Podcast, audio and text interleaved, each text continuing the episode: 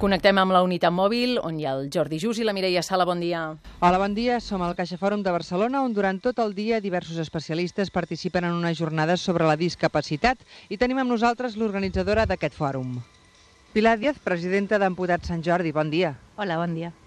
Quin és el missatge que voleu donar amb aquestes jornades? Bueno, nosaltres diem que volem caminar cap a la nova cultura de les capacitats. És a dir, la societat és la de que ha de ser eh, mm, accessible per tothom. No, no hi ha ciutadans de segona. Al tenir-ne una discapacitat, al tenir una mobilitat reduïda, no vol dir que tinguis menys oportunitats a la vida, sinó que és la pròpia societat la que et posa aquestes barreres per no gaudir de les mateixes oportunitats. I ara, bàsicament, què és el que trobeu que més falta fa per adaptar les ciutats, els pobles, els edificis, la societat en general?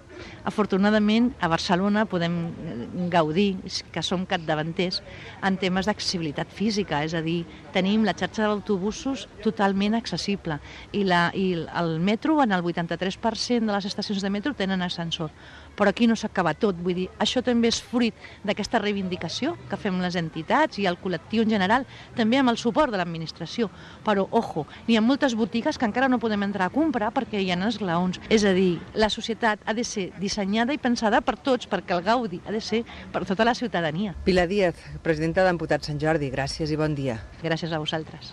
Una de les intervencions d'aquest matí serà la de Francesc Saez, psicòleg, psiquiatre, professor a l'Escola de Treball Social i especialista en processos de dol. Bon dia. Hola, bon dia. Quins problemes psicològics dona el fet de patir una amputació?